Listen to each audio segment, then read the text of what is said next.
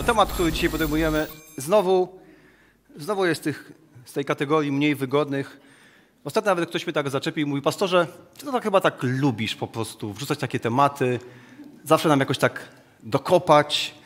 Nie mógłbyś jakiejś takiej serii zrobić, że jesteśmy piękni, zdolni, kochamy Boga, On kocha nas, dobrze nam idzie. Ja słucham tego i mówię, no właśnie, masz rację, z tych wszystkich powodów, o których teraz powiedziałeś, ponieważ tak bardzo kochamy Jezusa, a On kocha nas, no mówimy o tym, co niewygodne, chociaż tak bardzo lubimy wygodę, no bo, no bo Jezus, który tak, tak bardzo nas kocha, On nas wzywa do tego, żebyśmy zaparli się samych siebie, wzięli swój krzyż i mimo, że to niewygodne, naśladowali Go. Tym jednym z niewygodnych tematów w chrześcijaństwie jest temat, jak widzimy, autorytetu. Żyjemy w takiej, epo takiej epoce, która jakby z założenia odrzuca autorytet. I w sumie nie powinno nas to dziwić, bo żyjemy trochę i chyba nieraz przekonaliśmy się, że na przykład władze, którym ufaliśmy, nas rozczarowały i czasy są takie, że straciliśmy zaufanie do państwa, do kościoła, do różnego rodzaju instytucji, które które wydawało nam się, że istnieją po to, żeby jakoś porządkować chaos naszego życia, a one tak naprawdę tego chaosu jeszcze dołożyły. Straciliśmy zaufanie do ludzkich autorytetów, dla ludzi, którzy wzrastali w moim pokoleniu, wzrastali razem z, z pokoleniem Solidarności, która się tworzyła. Te wszystkie czołowe postacie, ci liderzy, autorytety naszych, naszej młodości. Potem przyszła trzecia RP i to było i nadal jest często jedno wielkie rozczarowanie. Do tego możemy dodać ogromny kryzys rodziny, ojcostwa. Nic dziwnego, że zmagamy się z tematem autorytetu. Skoro nasz świat tak wygląda, no to powinniśmy się zmagać. Ale te wszystkie niepowodzenia, braki, niedoskonałości w dziedzinie autorytetu, myślę, że to jest zaledwie połowa problemu, bo bardzo łatwo byłoby tak stanąć i, wiecie, robić taką listę, wymieniać, kto i kiedy i dlaczego nas zawiódł. Ja chciałbym, żebyśmy dzisiaj jakby zajęli się drugą połową tego problemu. A na czym polega ten problem? No może na tym, że, że kultura, w której żyjemy, ta kultura, która jest konsumpcyjna i indywidualistyczna, sprawiła, że takie rzeczy, takie wartości jak indywidualny wybór, autonomia, zostały jakby wyniesione do, do miana najważniejszych rzeczy w naszym życiu. I nie ma co ukrywać, jesteśmy w kościele. Możemy śmiało powiedzieć, że, że indywidualizm, czyli to, że mam prawo robić po swojemu, tak jak mi się wydaje, a innym nic do tego, to się stało jednym z bożków naszych czasów. I to wpływa na każdy aspekt naszego życia. Żyjemy w świecie, w którym jest nie do pomyślenia, że, że ktoś może rezygnować z tej autonomii i suwerennego wyboru na rzecz kogoś lub czegoś innego. Idziemy do sklepu, chcemy coś kupić. Wprawdzie patrzymy na opinię na temat tego towaru, nie wiem, czy ta koszula się dobrze pierze, dobrze nosi, czytamy sobie, ale, ale w końcu to tylko od nas zależy, czy, to, czy tę koszulę kupimy, czy też nie. Idziemy do restauracji Prosimy o sugestie kelnera, słuchamy, czytamy opinię, ale ostatecznie to od nas zależy, czy zamówimy tą potrawę, czy też nie. Nikomu nic do tego. Ale w chrześcijaństwie, w naśladowaniu Chrystusa sprawy mają się trochę inaczej. To, jak żyjemy, to, jak wybieramy, nie jest wyłącznie naszą sprawą. Decyzje, jakie podejmujemy, nie zależą wyłącznie od tego, jak nam się wydaje i jak my chcemy. Ta niechęć, żeby poddać się autorytetom, nie ukrywajmy też tego słowa, nie bójmy się, jakby władzy Kościoła, jest jednym z powodów, dla których ludzie dzisiaj porzucają Kościół. Nie chcąc porzucić Boga, porzucają Kościół, tworzą jakąś własną duchowość, która często mówi: Chrystus tak, w Chrystusa wierzę, Chrystusa uznaję. W Kościół nie wierzę. Kościoła nie uznaję. Ja rozumiem, że mamy różnego rodzaju doświadczenia i powody, ale, ale kiedy, kiedy decydujemy się na taki styl życia, w którym to nasza osobista narracja, nasze doświadczenie Boga, nasze pragnienie, nasze zrozumienie stanowi jakby jedyną ramę dla naszej wiary, no to mówiąc najprościej, taka wiara staje się niezrównoważona. Taka wiara, w której to jedynie my wyznaczamy ramę, staje się często dla nas takim więzieniem, które nas blokuje, z którego bardzo trudno jest wyjść. I chociaż to niewygodne w naszym tym antyinstytucjonalnym świecie, poddanie się pod autorytet kogoś poza sobą jest nie tylko konieczną, ale okazuje się też piękną częścią chrześcijańskiego życia. Jeśli mamy ze sobą Biblię, zachęcam, otwórzmy na liście do Filipian i spojrzymy na dość znany dzisiaj fragment, w którym, w drugim rozdziale, w którym apostoł Paweł pisze tak. Bądźcie względem siebie tacy jak Chrystus Jezus. On, choć istniał w tej postaci, co Bóg, nie dbał wyłącznie o to, aby być mu równym. Przeciwnie, wyrzekł się siebie, przyjął rolę sługi i był jak inni ludzie. A gdy już stał się człowiekiem, uniżył się tak dalece, że był posłuszny nawet w obliczu śmierci i to śmierci na krzyżu. Dlatego Bóg szczególnie go wywyższył i obdarzył imieniem znaczącym więcej niż wszelkie inne, aby na imię Jezus zgięło się każde kolano w niebie, na ziemi, pod ziemią i aby każdy język wyznał, że Jezus Chrystus jest Panem na chwałę Boga Ojca.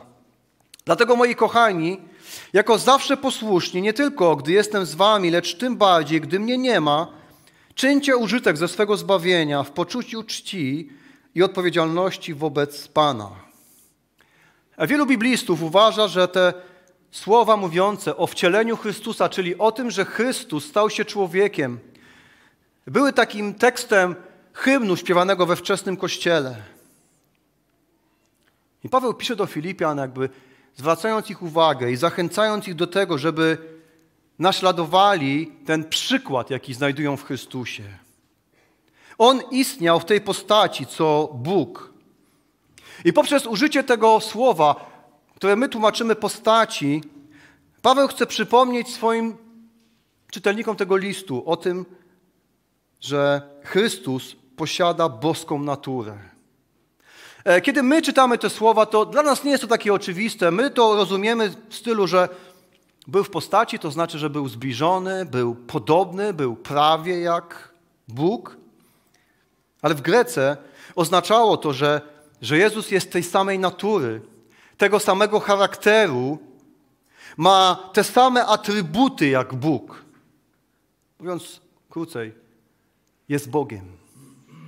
I moglibyśmy rozwijać w taką nieskończoność, co to znaczy, że Jezus posiadał tą samą naturę i te same atrybuty, co Bóg. Ale dzisiaj spróbujemy się zatrzymać i skupić na tym boskim, autorycie, e, te, te, e, boskim atrybucie, jakim jest autorytet. On posiadał ten sam autorytet jak Bóg. Czytamy dalej, jednak nie dbał o to, by być równy Bogu. Przeciwnie, Wyrzekł się samego siebie, przyjął rolę sługi i był jak inni ludzie. Chociaż posiadał wszelkie prawa, przywileje wynikające z boskości, postanowił się na jakiś czas, na czas swojej ziemskiej służby, zrzec tego wszystkiego. Zrzekł się niebiańskiej chwały, czyli tej możliwości przebywania w obecności Boga twarzą w twarz. Zrzekł się tego, że inni oddają mu chwałę. Zrzekł się swojego niebiańskiego bogactwa, stał się człowiekiem. Przyjął ludzkie ciało, a z tym też przyjął różnego rodzaju ograniczenia. Stał się jak inni ludzie, posiadał wszystkie ludzkie potrzeby, których jako Bóg nie posiadał, ponieważ był nieograniczony. Kiedy mówimy o tym wszystkim, musimy też zwrócić uwagę na to, że to oznacza, że zrzekł się też swojego niezależnego autorytetu.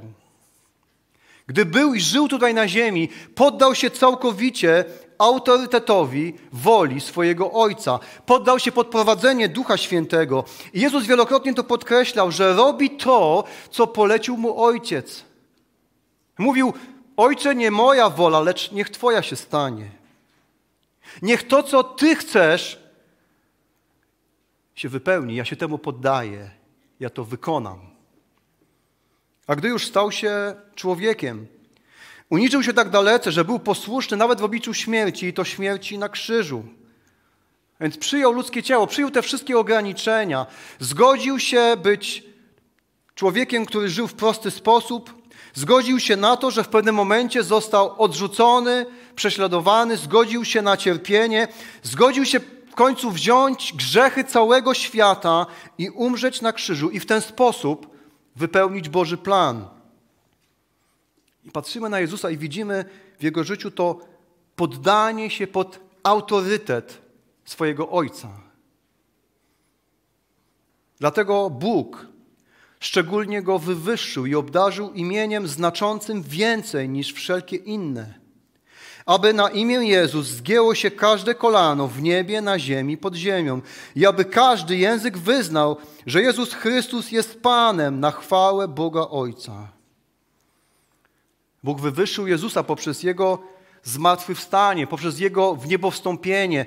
Jezus zasiadł po prawej stronie tronu Ojca i wstawia się za nami. I ta informacja to nie jest tylko taka techniczna informacja, żebyśmy wiedzieli, gdzie On siedzi. Bycie po prawej stronie Bożego tronu oznacza, że, że Jezus wrócił do tej chwały i przywilejów, z jakich wcześniej zrezygnował. Otrzymał je na nowo.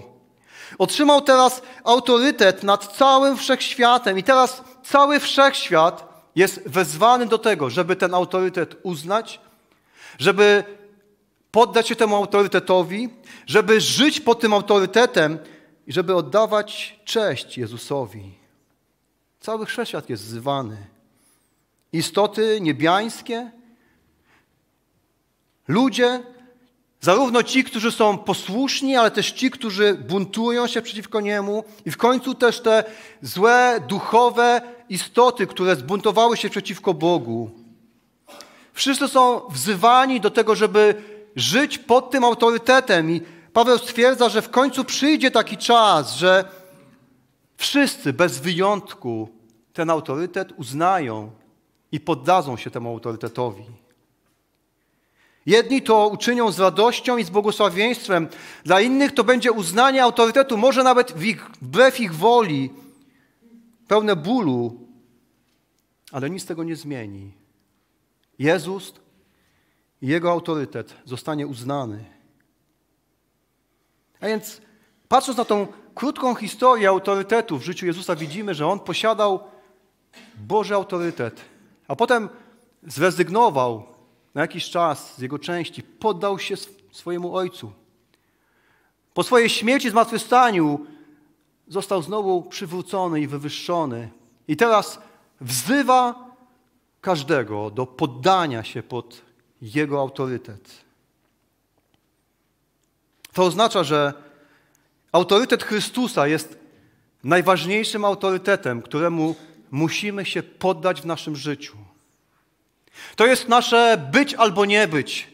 Być albo nie być dotyczącym tego życia, być albo nie być dotyczącym naszej wieczności. I nie chodzi tutaj o taką słowną deklarację: Jezus jest moim Panem, Jezus jest moim autorytetem, bo to jest łatwo powiedzieć.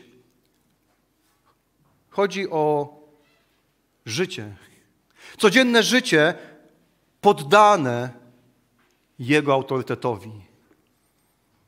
A to, jak dobrze wiemy, jest o wiele trudniejsze. Co w tym trudnego? Może nasza skłonność do myślenia o sobie w zbyt wygórowany sposób. My oczywiście tego nigdy głośno nie powiemy, ale zachowujemy się często tak, jakbyśmy mieli tą samą mądrość, jaką ma Bóg. On coś mówi, no ale przecież my wiemy swoje. I ta tendencja ma swoje źródło w ogrodzie Eden. Adam i Ewa nie mieli żadnego powodu, nie mieli żadnego haka na Boga, który mogli pozwoliłby im zakwestionować jego autorytet. Wiecie, bo my często mamy różne haki na siebie. Mówimy, nie no, nie uznaję tego autorytetu, bo to, bo tamto, bo zawodzi. Adam i Ewa nie mieli żadnego powodu, ale tak trudno było zaakceptować, że że Bóg wyznacza im jakieś granice, których nie powinni przekroczyć, że nie mogą robić tego, co chcą, że Bóg im czegoś zakazuje, a oni uważają, że Mogą zrobić po swojemu. Pierwszy grzech. I każdy kolejny grzech ma swoje źródło w bałwochwalstwie, czyli w tym, że my zdejmujemy Boga z ołtarza, stawiamy tam siebie, stawiamy naszą dumę, kontrolę i tą niechęć, niezdolność do tego, żeby przyjąć, że coś lub ktoś nas ogranicza.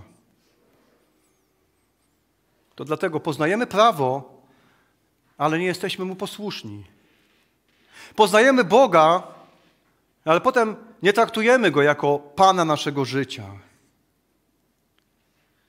Nie mówimy tego głośno, ale zachowujemy się, jakbyśmy wierzyli, że jesteśmy na równi z Bogiem i to nam pozwala odstawić na bok Jego autorytet i być autorytetem sami dla siebie. Pokusa jest jeszcze większa w naszych czasach, bo, bo władza i autorytet często same się zdyskredytowały. I nic dziwnego, że dzisiaj są pogardzane, odrzucane. Nic dziwnego, że autonomia jest tak bardzo ceniona. I to panowanie Chrystusa, uznawanie Jego autorytetu, jakby występuje tak mocno przeciwko kulturze, która, która promuje wolność. Dlatego tak niewygodne, niepopularne jest przyjmowanie autorytetu Pana Jezusa jako czegoś, co, co jest nam potrzebne. Ciężko nam się to przyjąć, że uznanie Jego autorytetu tak naprawdę jest czymś dobrym w naszym życiu. I w tej epoce autonomii jest niewielu chętnych, niewielu odważnych, którzy są gotowi, żeby poddać swoje myśli, swoje zachowanie, swoje pasje, swoją codzienność jedynemu, suwerennemu autorytetowi, jakim jest Chrystus. Jednak to zaparcie się samego siebie, tego wszystkiego też, co mówi nam kultura wokół i poddanie się Jezusowi jest nie tylko jakimś takim życiem kontrkulturowym, ale chociaż to w oczach świata wygląda na to, że my się w ten sposób czegoś ograniczamy, pozbawiamy, to prawda jest taka, że poddając się pod autorytet Chrystusa, my doświadczamy niespodziewanej, czasami szokującej wolności.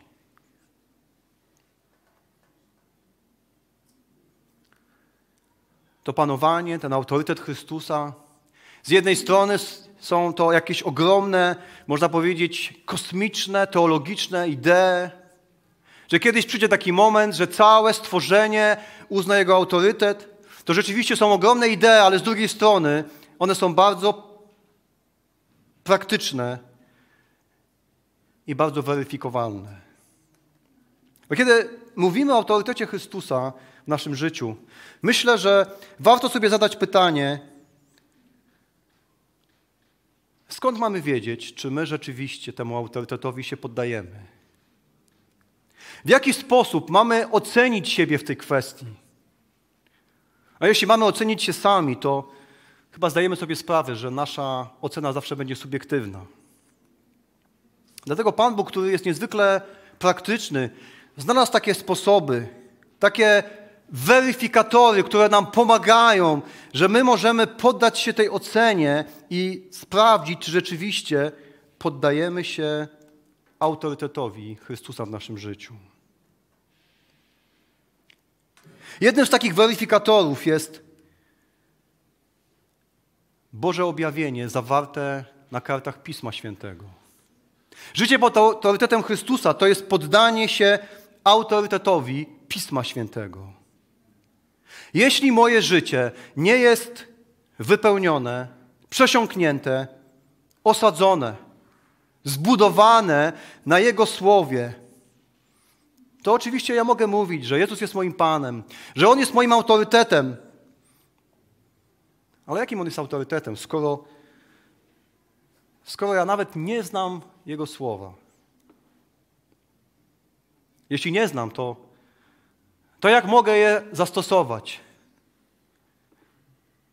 A jeśli nie mogę zastosować tego, co mówi Jezus, bo tego nie znam, jakim on jest autorytetem w moim życiu? Oczywiście, jak nie trudno się domyśleć, to nie jest wygodne. Jakaś starożytna książka ma być dla ludzi XXI wieku jedynym autorytetem? Ale znamy te wszystkie dyskusje. W jakim sensie to pismo jest autorytetem? Jako zbiór ponadczasowych prawd moralnych, jako zapis historycznego dzieła Bożego w historii? Czy to znaczy, że każde słowo ma być potraktowane jako niezaprzeczalny fakt i zastosowane i tak dalej, i tak dalej? Wszystkie te pytania są dyskutowane, a do tego jeszcze dochodzi konieczność, że my to wszystko musimy czytać, analizować, interpretować. Jako część ewangelicznego ruchu czerpiemy z tej tradycji reformacji. Ostatnio mieliśmy kolejną rocznicę. Chlubimy się tym postulatem reformacji sola scriptura, tylko pismo. Ale bądźmy szczerzy, minęło 500 lat reformacji, a my mamy setki, jeśli nie tysiące chrześcijańskich wyznań i tradycji, z których każda uznaje autorytet pisma. Aczkolwiek różni się swoimi interpretacjami, zrozumieniem. I tak niektórzy patrzą na to z takim sarkazmem i mówią, no jak to jest? To wszyscy mają rację, wszyscy się mylą. To sprawia, że autorytet pisma jest jeszcze bardziej dla niektórych problematyczny.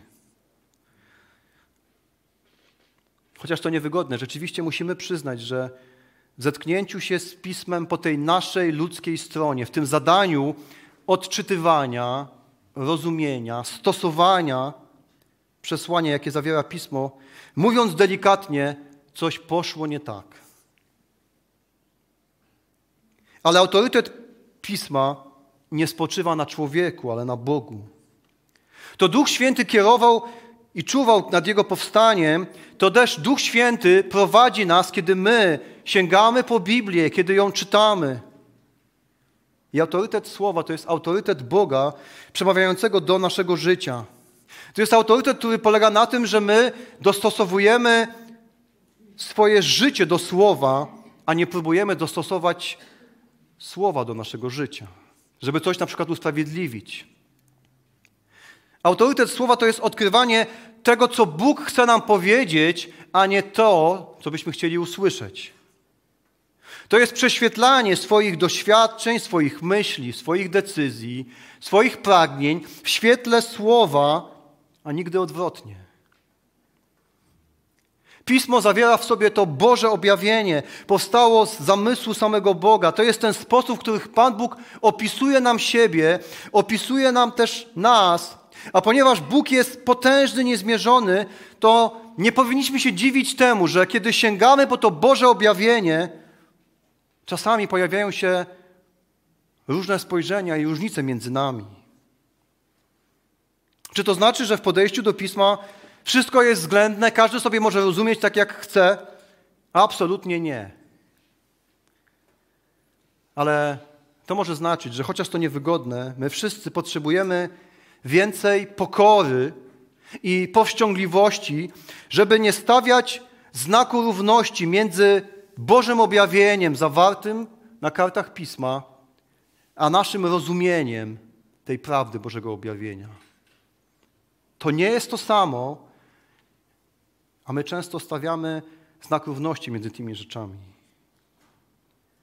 To niewygodne, ale potrzebujemy więcej takiej pokornej akceptacji dla tej pewnej czasami tajemnicy i paradoksu, jaki jest ukryty w Bożym objawieniu.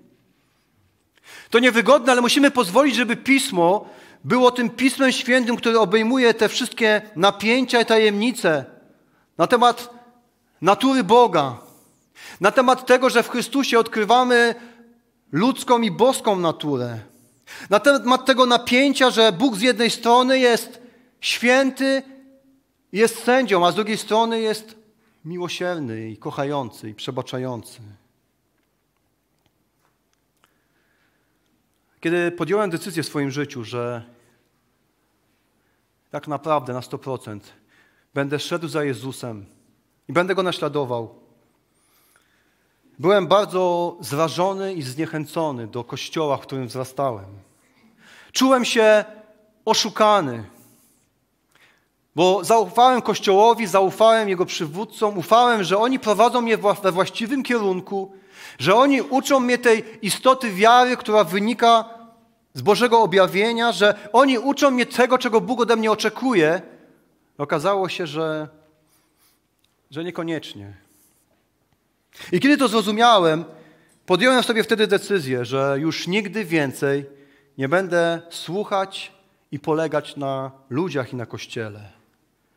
Tylko Jezus, tylko Jego Słowo i ja. Tylko Jezusa, tylko Jego Słowa będę słuchał, nie jakichś ludzi, nie jakichś instytucji. I tak żyłem przez jakiś czas, aż w końcu Pan mi pokazał, że chociaż naprawdę staram się żyć pod Jego autorytetem i pod jego, autorytetem Jego Słowa, to prawda była taka, że największym autorytetem w moim życiu wtedy, chyba to nie jest niespodzianka, byłem ja sam. To założenie, że moim autorytetem będzie tylko Jezus i tylko Słowo, to założenie brzmi pięknie, tak nawet biblijnie, tak bardzo radykalnie. Ale to założenie ma w sobie pewną wadę. Wadą jest to, że stawiasz siebie w roli osoby, która to będzie weryfikować. Bo w końcu to ty będziesz ciągle decydował, że jesteś pod autorytetem Chrystusa i że żyjesz pod autorytetem Jego słowa. Ty będziesz weryfikował, bo przecież nie chcesz i nie będziesz słuchać innych ludzi.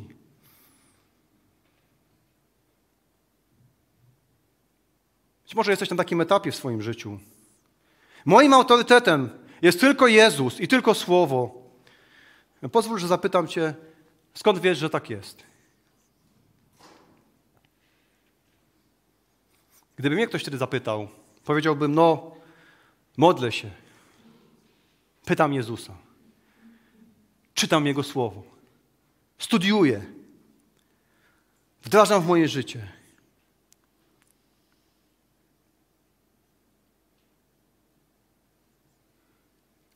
Zapytałbym wtedy siebie samego, to świetnie, że tak robisz.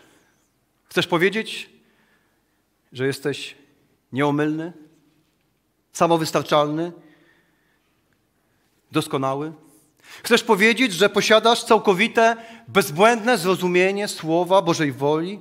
Chcesz powiedzieć, że jesteś poddany autorytetowi Chrystusa i słowa we wszystkim? Tak się składa, że Chrystus, który ma władzę i autorytet nad wszystkim, nigdy nie planował chrześcijaństwa jako takiej rzeczywistości, wiecie, wolnych elektronów, które sobie funkcjonują i mają połączenie jedynie ze źródłem, jakim jest Chrystus. On zaplanował, że w Jego Kościele, że Jego uczniowie, że Jego dzieci będą powiązani z Nim, ale też ze sobą nawzajem. On zaplanował, że w Jego kościele, Jego dzieci będą poddane Jego autorytetowi, ale też swojemu autorytetowi nawzajem. O tym właśnie pisze Paweł. Bądźcie względem siebie tacy, jak Chrystus Jezus. Wiecie, gdyby powiedział tylko bądźcie względem Boga, no to moglibyśmy się czuć zwolnieni od respektowania tych ludzkich autorytetów. Ale mówi, bądźcie względem siebie tacy jak Chrystus. On był w postaci Bożej, ale nie dbał o to i tak dalej, i tak dalej. Z powodu Chrystusa, z powodu Jego dzieła, z powodu Jego postawy, z powodu tego, że Jezus się poddał pod autorytet swojego Ojca, wy też uznawajcie i poddawajcie autorytet Boga i wy też poddawajcie i uznawajcie nawzajem swój autorytet. Bądźcie względem siebie tacy, jak Chrystus. Życie pod autorytetem Chrystusa to jest poddanie się też autorytetowi wspólnoty. Ponieważ wspólnota, czyli Kościół, jest jednym z tych zabezpieczeń, tych weryfikatorów, czy rzeczywiście jestem poddany Jezusowi i Jego Słowu. Nawet nie muszę mówić, jakie to niewygodne. Zwłaszcza, że Kościół składa się z niedoskonałych ludzi. Każdy Kościół tworzy jakąś tradycję, a tradycja jest niedoskonała.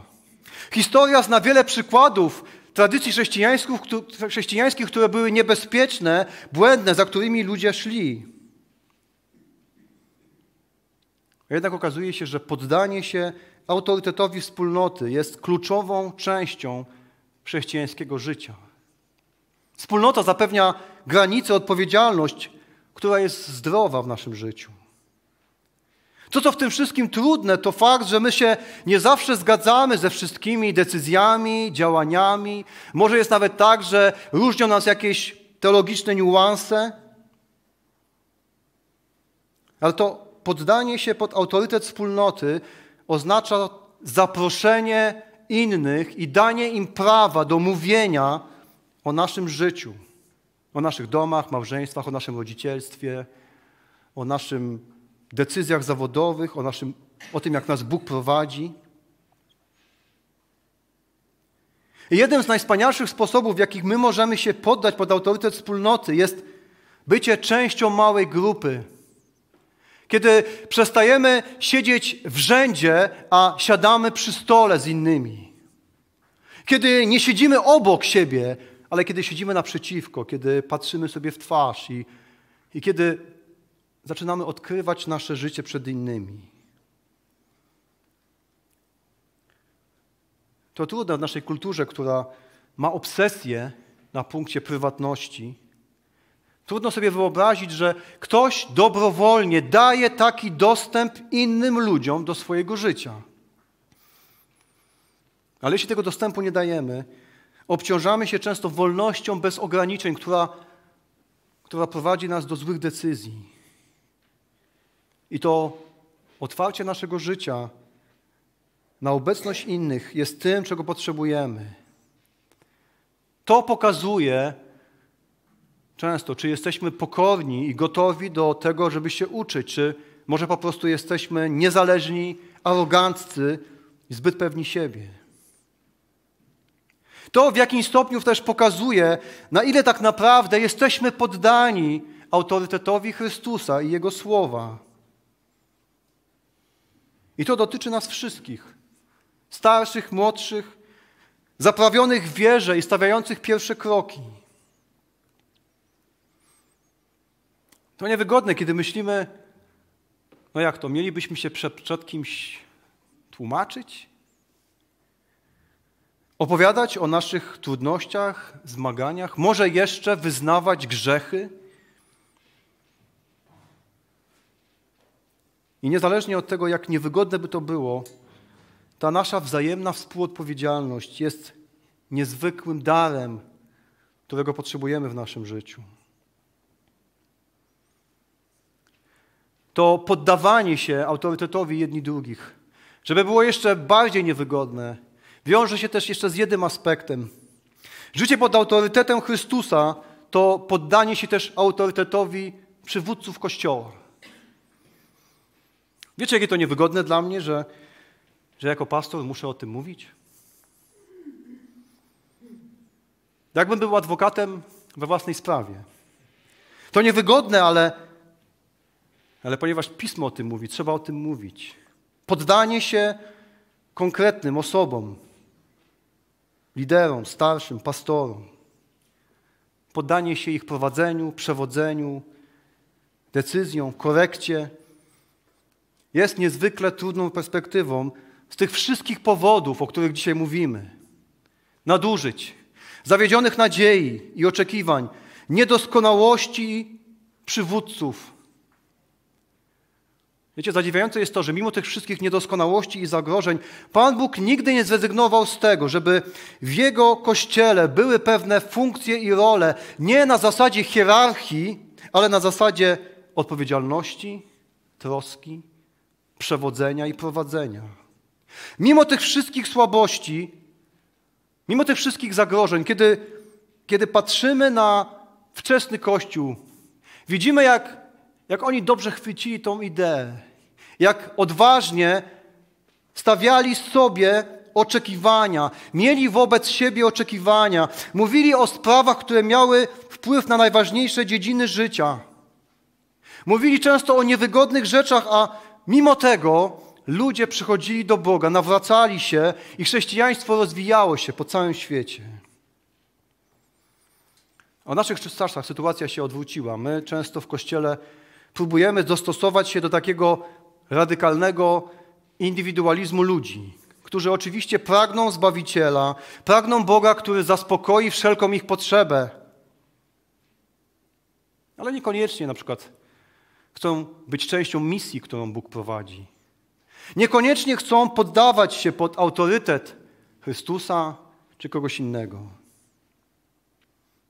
Ten autorytet przywódców to niepopularny temat, dlatego w wielu kościołach nie porusza się go. Wiele kościołów unika rozmawiania o trudnych tematach, unika dyscypliny.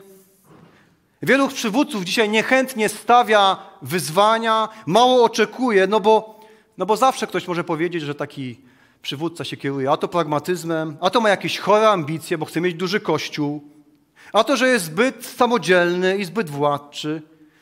No właśnie, tak, zatrzymajmy się. Pastorze, tak fajnie mówisz o tym, żeby się poddawać autorytetom przywódców, co pewnie rozumiesz, że twojemu autorytetowi. Więc powiedz nam tak szczerze, a jakim autorytetom ty się poddajesz w swoim życiu? Dziękuję, że pytacie, bo chcę przypomnieć, że nie wierzymy w dogmat o nieomylności pastora. Pastorzy nie są papieżami, potrzebują autorytetów, potrzebują weryfikatorów, które będą sprawdzać ich życie, ich służbę.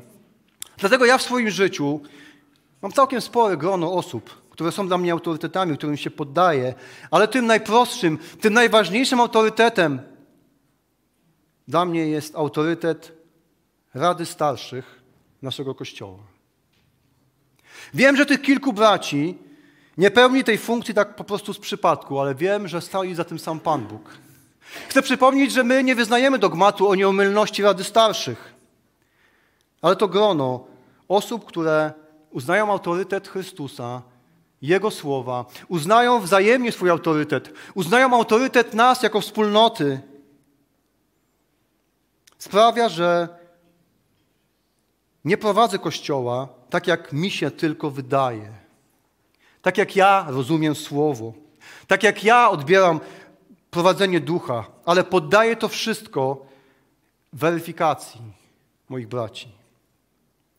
I dzięki temu przywództwo w naszym kościele nie tylko nie spoczywa w jednym ręku, czyli moim, jest czymś zbiorowym, ale co więcej, wiem, że wielokrotnie Pan Bóg uchronił nas przed wejściem na niejedną minę, chociaż ja byłem tak mocno przekonany, że to jest właściwe, że to trzeba zrobić, że tam powinniśmy pójść. Myślę, że każdy, kto jest pastorem, sporo wie, co to znaczy poddawać się autorytetowi wspólnoty. Ponieważ my, pastorzy, mamy tę, ten przywilej stawania publicznie, nauczania, mówienia, a wszyscy a wszyscy słuchający mają możliwość weryfikowania tych słów. Weryfikowania tych słów z tym, jak wygląda moje życie. Ktoś kiedyś porównał życie pastora i jego rodziny, że to jest takie życie w akwarium, do którego co chwilę ktoś próbuje zajrzeć. Muszę przyznać się, że to czasami jest niewygodne, ale komu wiele dano, od tego wiele się oczekuje. Pewien pastor w rozmowie z członkiem kościoła powiedział: Słuchaj, nie zwracaj się do mnie w czasie tej rozmowy, pastorze, bo ja nie jestem Twoim pastorem. No co ten rozmówca powiedział: no Jak to? Zdziwiony, pastorze, przecież ja tu chodzę od 10 lat do tego kościoła. Dlaczego Ty nie jesteś moim pastorem? Pastor odpowiedział: No nie, no ja pełnię funkcję pastora, ale Twoim pastorem nie jestem. Gdybym był, to próbowałbyś mnie posłuchać i spróbowałbyś się liczyć z moim zdaniem.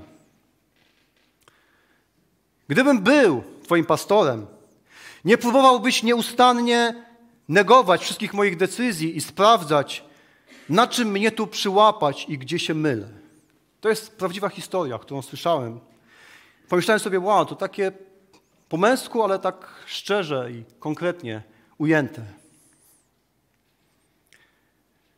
Żeby podążać za Chrystusem i żeby naprawdę żyć pod Jego autorytetem, potrzebujemy poddawać się pod autorytet słowa, wspólnoty, przywódców. To wszystko sprawia, że, że może być pewna równowaga w naszym życiu. Wbrew tym wszystkim założeniom naszej kultury, że, że to niepohamowana autonomia jest dobra i daje nam wolność, okazuje się, że my naprawdę, chociaż tego nie lubimy, potrzebujemy ograniczeń, ram, szkieletów, czasami nawet zderzaków, na które się natkniemy.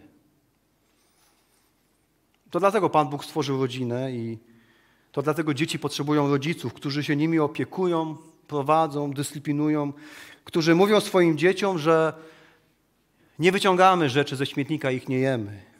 I że nie bawimy się gniazdkiem elektrycznym, że takich rzeczy absolutnie nie robimy. Rodzina kościelna funkcjonuje podobnie. My potrzebujemy jedni drugich. Potrzebujemy, żeby inni ludzie nam towarzyszyli, zachęcali. A kiedy zbaczamy, potrzebujemy innych, którzy nas spróbują przywrócić na właściwe tory. To niewygodne, ale to nam pomaga rosnąć duchowo i to nam pomaga naprawdę podążać za Jezusem. Paweł pisze, jakby kończy tą myśl w taki sposób. Dlatego, moi kochani, jako zawsze posłuszni, nie tylko gdy jestem z wami, lecz tym bardziej, gdy mnie nie ma. Tak jakby Paweł znał tą, wiecie, zasadę, że kiedy nie ma kota, myszy harcują. Mówi, słuchajcie, czy ja jestem, czy mnie nie ma? O, pewnie tak niektórzy myśleli, no jak Paweł coś mówi, no to trzeba posłuchać, ale, ale tam ci nasi lokalni, Filipi, ja, tak jak my czasami. No to to powiedział ten pastor taki znany, tam napisał parę książek, jest w internecie. Gdzie tam ci nasi biedni wyrobnicy? Ten nasz biedny pastor Bidulek, no. Paweł mówi, nie. Czy ja jestem?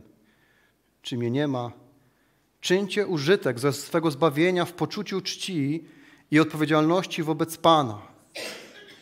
Z powodu Pana. Z powodu poddania się i uznania Jego autorytetu. Poddawajcie się pod autorytet Chrystusa, słowa, wspólnoty, innych przywódców.